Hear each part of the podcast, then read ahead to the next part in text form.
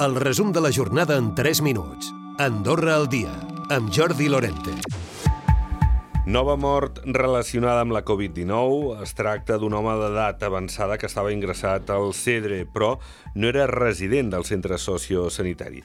D'aquesta manera, les defuncions relacionades amb la pandèmia pugen a 159 casos, mentre la incidència dels últims casos en la darrera setmana va baixant així, s'han registrat 30 contagis nous, els casos actius baixen a 59. A l'hospital hi ha 3 pacients ingressats, més que la setmana passada, tots tres, però, a planta.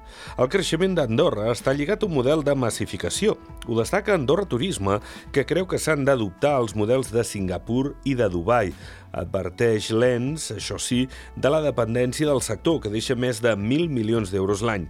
En parla el director d'Andorra Turisme, és Batim Butzaku. Per mi el model mm, perfecte de tot el que és que funciona a Singapur. I si estem parlant de tot el que és el tema de la part de comunicació com un model d'estar uh, com diuen els britànics, in the middle of nowhere, que no hi havia absolutament res i que s'ha creat una, una referència mundial de turisme és Dubai. La temporada d'esquí està sent bona, amb un alt nivell d'ocupació, tot i les circumstàncies negatives d'aquest inici d'hivern marcat per la manca de neu.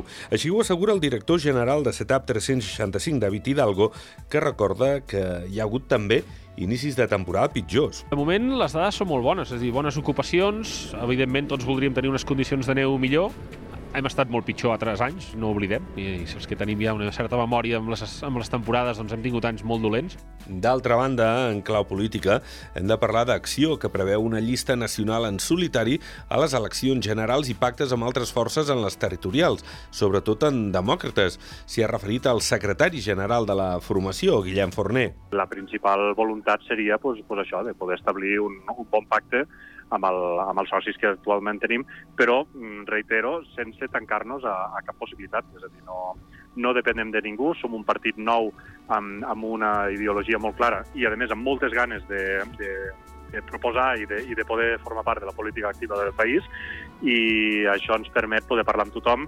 I Naturland preveu tancar definitivament l'any passat amb uns ingressos que fregaran els 5 milions, una xifra molt important, ja que ha estat la millor de tota la història de Camp Rabassa, un 35% més que fa dos anys.